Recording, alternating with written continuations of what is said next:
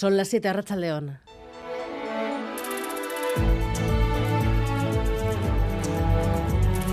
Gambara con Arancha García.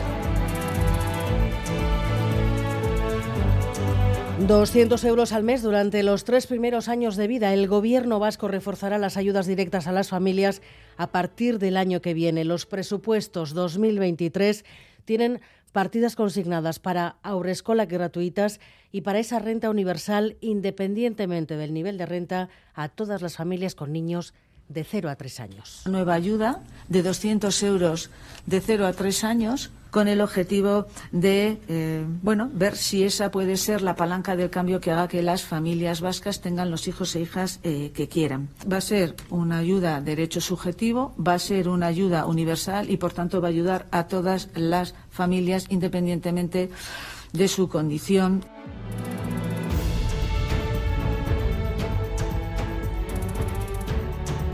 Y además EH Bildu vuelve a pactar los presupuestos con el gobierno de María Chivite. Los cuartos presupuestos de la legislatura también van a llevar el aval de la coalición soberanista. La consejera Elma Saiz agradece la disposición a acordar. Estoy convencida de que hoy a esta Cámara hemos traído el mejor proyecto de cuentas generales posible en el contexto actual y la mejor noticia y Bacarcho Ruiz confirma la solidez de su papel de socio prioritario durante toda la legislatura. No es ni una casualidad, decía, ni una anécdota.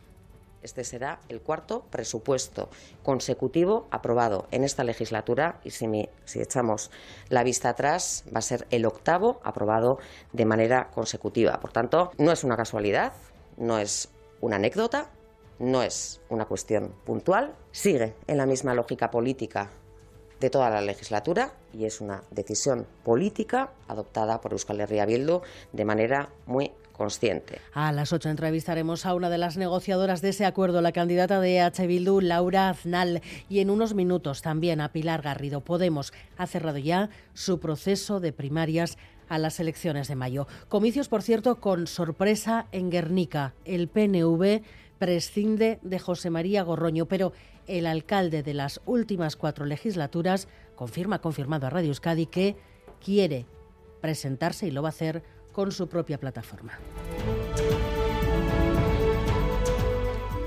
Y el tráfico aéreo se recupera del susto que ha tenido en vilo a los controladores de medio planeta durante bastantes horas de este día. John Fernández Mor, ¿cómo están las cosas? Pues eh, podría decirse que el tráfico aéreo ha vuelto poco a poco a la normalidad. En aire, el gestor del tráfico aéreo en el estado prevé que, eso sí, esta incidencia generada por los restos de ese cohete chino provoque demoras durante toda la jornada. Se van a arrastrar los retrasos hasta última hora, pero la situación es de relativa normalidad en los aeropuertos vascos. La única incidencia, esos retrasos que sobre todo se han dado esta mañana. El hombre más rico del mundo compró Twitter, el hombre más rico del mundo llegó a la compañía con un lavabo y prometiendo hacer limpieza y el hombre más rico del mundo dijo ayer que hoy despediría a la mitad de la plantilla, 3.700 personas.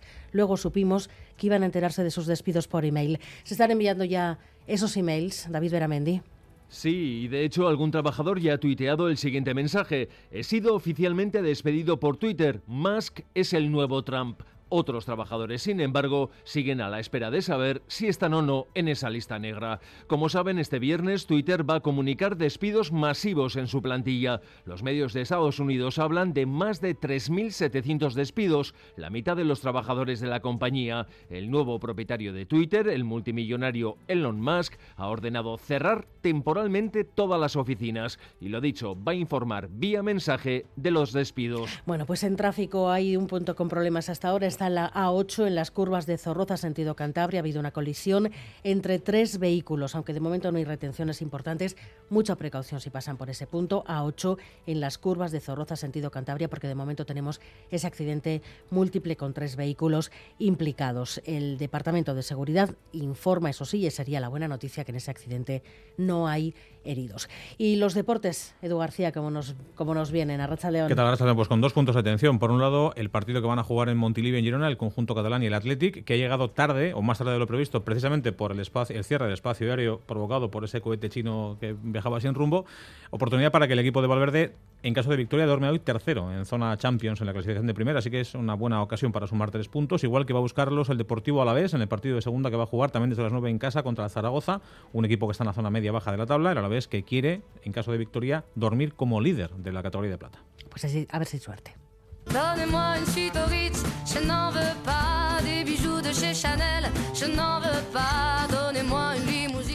Este grito que van a escuchar ahora se oyó ayer en la Asamblea Nacional Francesa.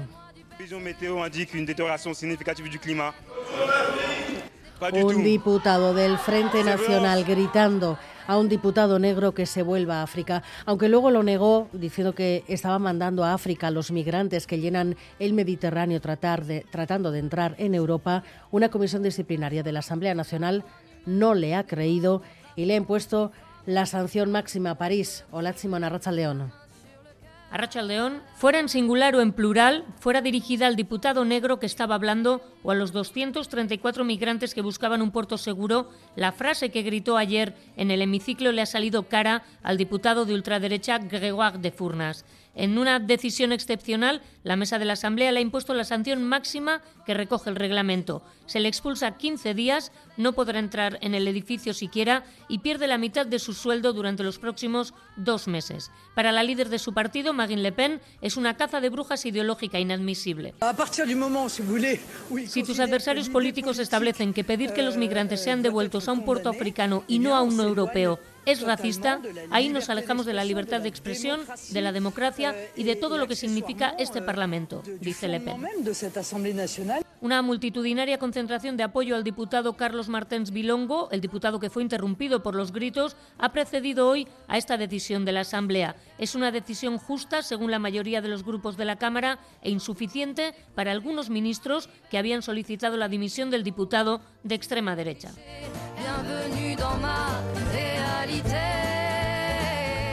Miguel Ortiz y Arancha Prado están en la dirección técnica, Cristina Vázquez en la producción. Comenzamos.